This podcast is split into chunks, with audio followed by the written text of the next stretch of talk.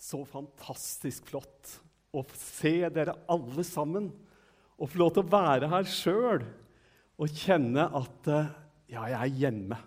Og det er akkurat det jeg føler, og jeg håper at sånn føler vi det alle sammen. Så moro å se også de som ikke har vært ansatt så lenge, i fri utfoldelse. Det fyller meg med sånn glede og takknemlighet og optimisme. Jeg er så takknemlig til både Gud og mennesker. Og så har vi hatt en flott sommer. Jeg er så glad for at vi starta så tidlig som vi kunne. At vi hadde første samlinga 21.6. Og så har vi hatt tre samlinger hver uke gjennom hele sommeren. Og det har vært godt besøkt. Forbausende bra, syns jeg. Riktignok har vi tatt ut en del benker for å ha litt større avstand og lurer oss sjøl litt. Men, eh, men, det har vært veldig bra både på søndagen og ikke minst har det vært overraskende flott på sommerkveldene. Og bønnemøtene går jo sin gang. Og så er vi i gang på litt annen måte også nå med at barnearbeidet har kommet i gang. Vi har en ny høst foran oss, og vi gleder oss til høsten. I hvert fall gjør jeg det. Og vi har et viktig tema som vi skal få dele med hverandre. Og jeg tror det skal bli interessant. I hvert fall er det sentralt, og det er viktig. Og I den sammenhengen så skal jeg begynne med et sitat der vi får hjelp til å fokusere på ting som kan være viktig. Det er paven.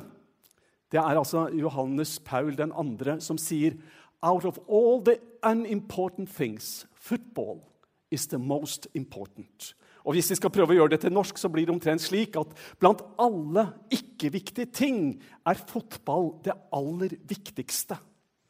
Og jeg registrerer jo at når vi definerer hva som er viktig og ikke viktig, så kan man oppleve ting veldig forskjellig. Jeg fant et utklipp her. Jeg vet jo Jeg kunne nevnt navn, men det skal jeg selvfølgelig ikke gjøre. Men jeg vet jo at vi har noen ordentlige Liverpool-supportere i vår midte. Og denne, denne eh, overskriften her sier jo litt om hva folk oppfatter som viktig. Tårene bare rant og rant. Det tok livet av meg. Og det er altså videre i den boka til Steven Gerrard så skriver han jeg satt i baksetet i bilen, og jeg kjente tårene renne nedover ansiktet mitt. Jeg hadde ikke grått på flere år, men på vei hjem klarte jeg ikke å stoppe. Tårene bare rant og rant. Og dette var Steve Garrard sin, sin forferdelige opplevelse 27.4.2014. Han skulle ta imot, eller han skulle klarere en ball, og så snubler han. Jeg ser at det er mange av dere som husker det som det skulle vært i går. Han snubler, og Chelsea-spilleren kommer og så bare tar ballen og stormer mot mål og skårer.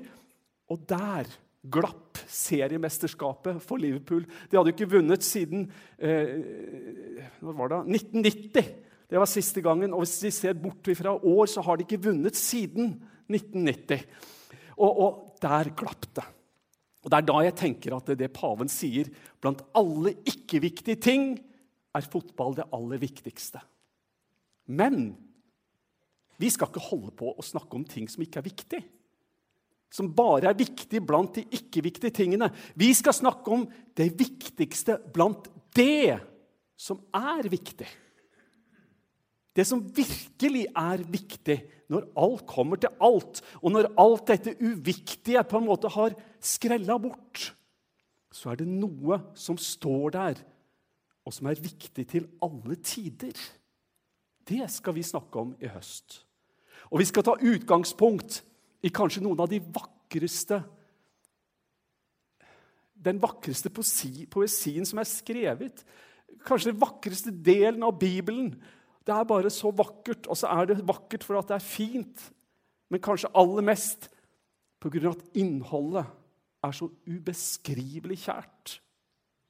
Det er Paulus, og han skriver det som kalles kjærlighetens høysang. Og han skriver om jeg taler med menneskers og englers tunger, men ikke har kjærlighet, da er jeg bare drønne malm eller en klingende bjelle.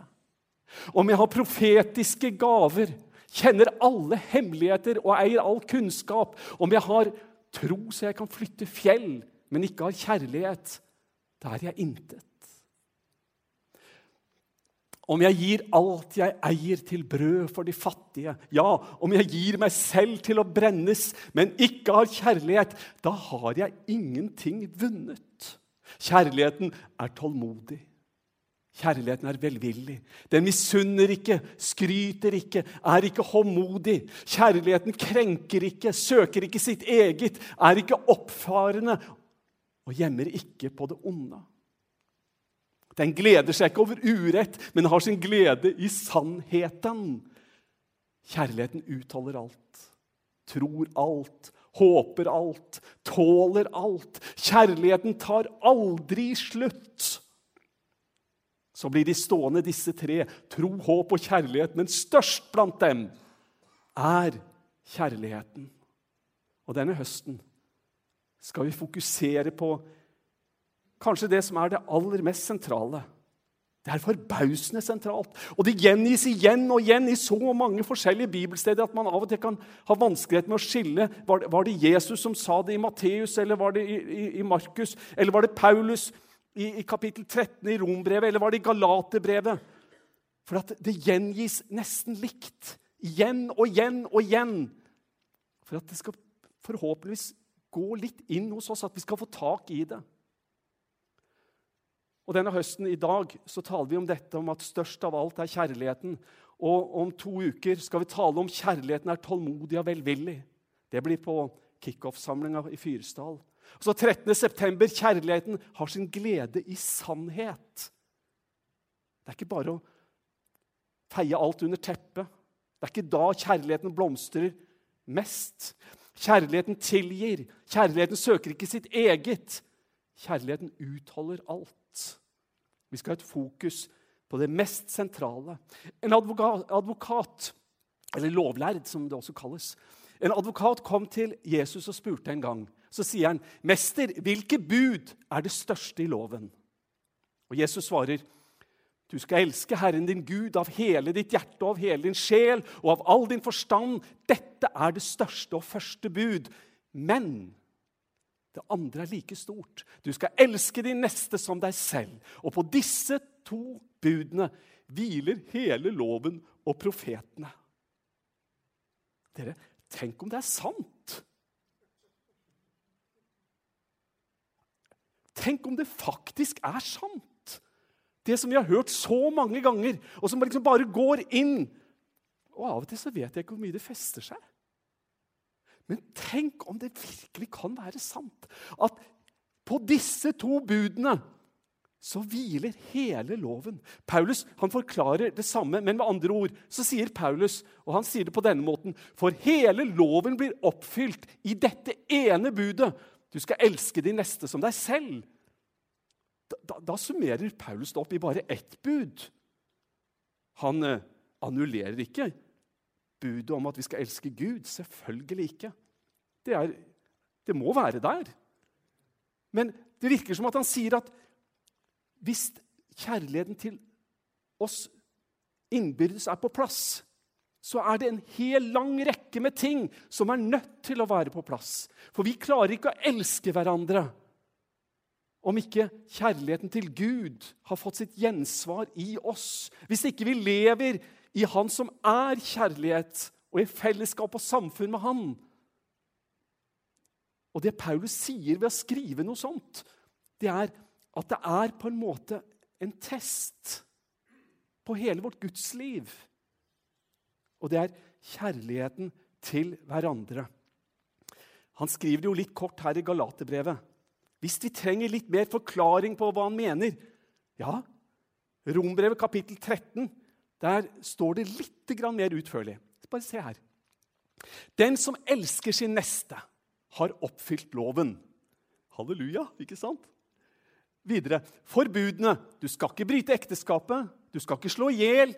Du skal ikke stjele. Du skal ikke begjære. Eller hvilket bud det kan være. De sammenfattes i dette. Du skal elske de neste som deg selv.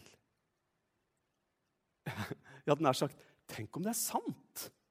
Tenk om det ikke bare er ord. Det betyr jo ikke Enhver av oss skjønner jo det. Det betyr ikke at vi kan bare bryte ekteskapet, at vi kan slå i hjel, at vi kan stjele og at vi kan begjære og kan gjøre alt dette. For hvis vi bare elsker hverandre, så går alt greit. Det er jo akkurat det motsatte av det Paulus sier. Han sier det en annen plass. Må dere ikke bruke den friheten dere har fått, da må dere ikke bruke den på en feil måte, for da, da, da forsvinner hele meninga med det.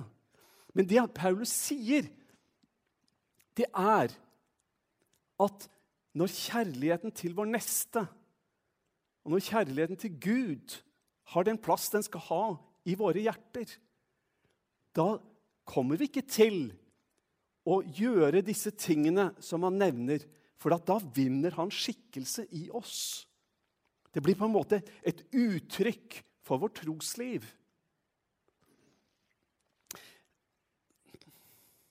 Jeg tror dette på en måte sier til oss at av og til så blir vi så fryktelig teoretiske, ja, nær sagt filosofiske. Jeg tror så ofte så blir vårt fokus på viktigheten av å ha en sånn enorm intellektuell kapasitet til å forstå, til å si de riktige tingene, til å forklare de vanskeligste, mest kompliserte deler av troslæra vår. At bekjennelsen må være akkurat riktig, som betinger at vi har forstått så mye. Så kan det være så mange ting som kan være vanskelig å forstå. Men du, jeg har to bibelsteder jeg skal minne deg om. Det ene det er bokstaven slår i hjel, men ånden gjør levende. Det andre er men kunnskap gjør håndmodig. Det er kjærligheten som bygger opp. Og Så tror jeg at det som Bibelen på en måte vil formidle til oss, det er at bare fokus på teoretiske trossetninger, læresetninger, systematiske fremstillinger På alt dette som kanskje har litt med, med kunnskap og evne til å forklare og til å argumentere At det egentlig er litt på sida av gudslivet. Jeg tegna en rød strek. Og så stiller jeg spørsmålet hva vil Gud helst se i oss? Og av de to alternativene jeg skriver, den riktige bekjennelsen eller ekte kjærlighet til Gud og mennesker. Og så tenker vi at det er jo en selvfølge. Men vet du hva? Jeg er ikke helt sikker på om det spørsmålet er så lett å svare på som vi kanskje tenker.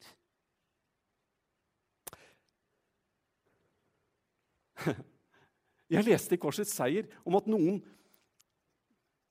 som blir omtalt som gode kristne, skrev en mail til Andreas Segertun om at han skulle fått en stein rundt halsen og senket i havet. De mente at han ikke hadde rett i, i, i, i en, en læreformulering som han trodde på, og med vranglærere gjør man slikt. Det er jo interessant at folk kan få seg til å sende en mail. Jeg er av og til inne på, på, på uh, sider på nettet og leser diskusjonsfora. Gjerne på Dagen eller andre, hvor det mest er innafor kristne sammenhenger. Jeg fatter ikke hvordan folk er skrudd sammen. Altså, Hvordan det er mulig å velte ut så mye negativt og fordømmende greier.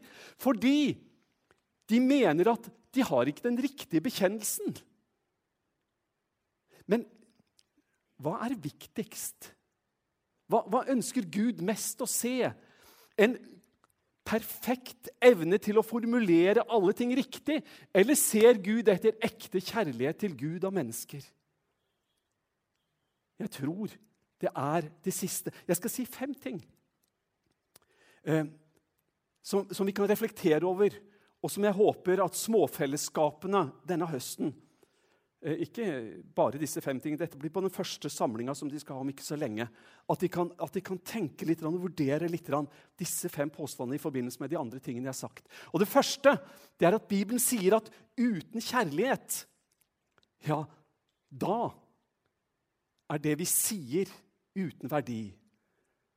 Det vi sier, blir uten verdi. Og så står det jo om jeg taler med menneskers og englers tunger, men ikke har kjærlighet, da er bare drønnende malm eller en klingende bjelle.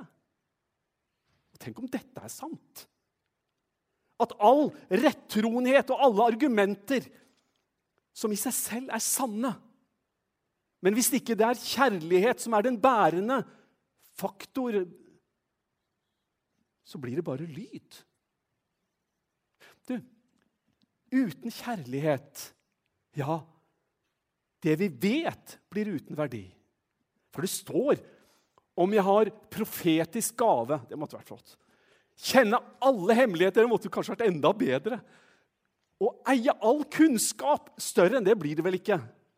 Altså, Om man har alt dette, men ikke har kjærlighet, da er jeg intet. Mens vi tenker så lett Wow, hva den personen kan og vet, og, og, og, og hva slags profetiske landskap vedkommende kan bevege seg i. Hvor fantastisk! Men så er det mot noe som alt måles opp. Du, Tenk om dette er sant!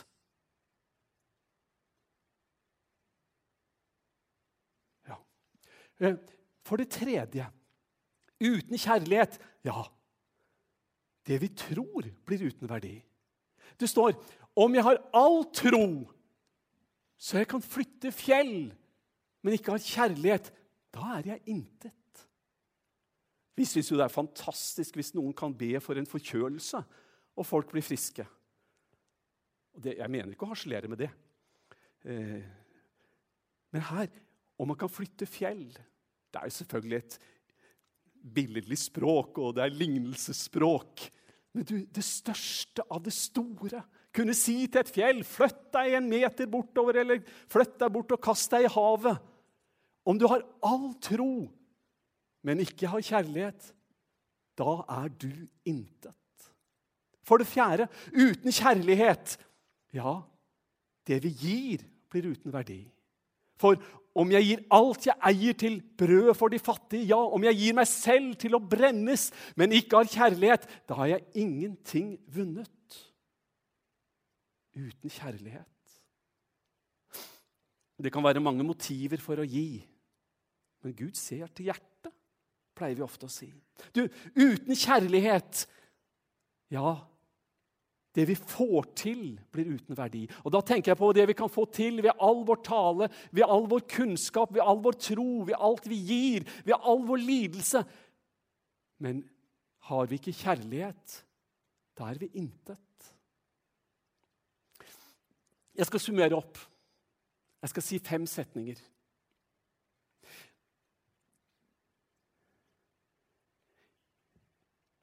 Jeg kan være mer veltalende enn den mest finslipte orator. Jeg kan være mer kunnskapsrik enn det klokeste geni, og jeg kan være mer trosfylt enn den beste mirakelpredikant, og jeg kan være mer sjenerøs enn alle andre til sammen. Jeg kan være mer fremgangsrik enn den største superstjerne. Men om man ikke har kjærlighet, så betyr det ingenting, alt dette som er så stort og flott i menneskers øyne. Det er tomhet, det er glitter og stas uten innhold. Ja, det er tomt skall uten noen ting mer om alle disse flotte tingene er på plass. Jeg skal sitere Romerne kapittel 13, vers 10, en gang til. Den som har kjærlighet, gjør ikke noe ondt mot sin neste. Derfor er kjærligheten oppfyllelse av loven. Helt til slutt. Jesus sa, 'Lær av meg, for jeg er mild og ydmyk av hjerte'. Og Hvis jeg skulle si til deg at nå må du ta deg sammen og elske de neste som deg selv, så er det hele bortkasta. Det er jo det vi strever med hele tida, mange av oss. Om å prøve å bli bedre. Om å skjerpe oss må dere skjerpe dere! Ikke sant? Det er oppmuntrende å høre, sikkert. Men du, Jesus han kommer til oss og sier han, 'Lær av meg, for jeg er mild og ydmyk av hjerte'. Johannes 3, 16 sier, 'Så har Gud elsket verden, at han ga sin sønn, den enbårne'. Kjærligheten den begynner med at vi må elske Gud ta imot hans kjærlighet og la den fylle oss. Da har vi noe å gi til vår neste. Amen. Kan vi ikke be en liten bønn sammen? Vil du gjenta inni hjertet ditt, eller du kan si det med munnen din også, en liten bønn som jeg får lede deg i? Gode Gud, fyll meg med din kjærlighet, og la den strømme gjennom meg. Amen.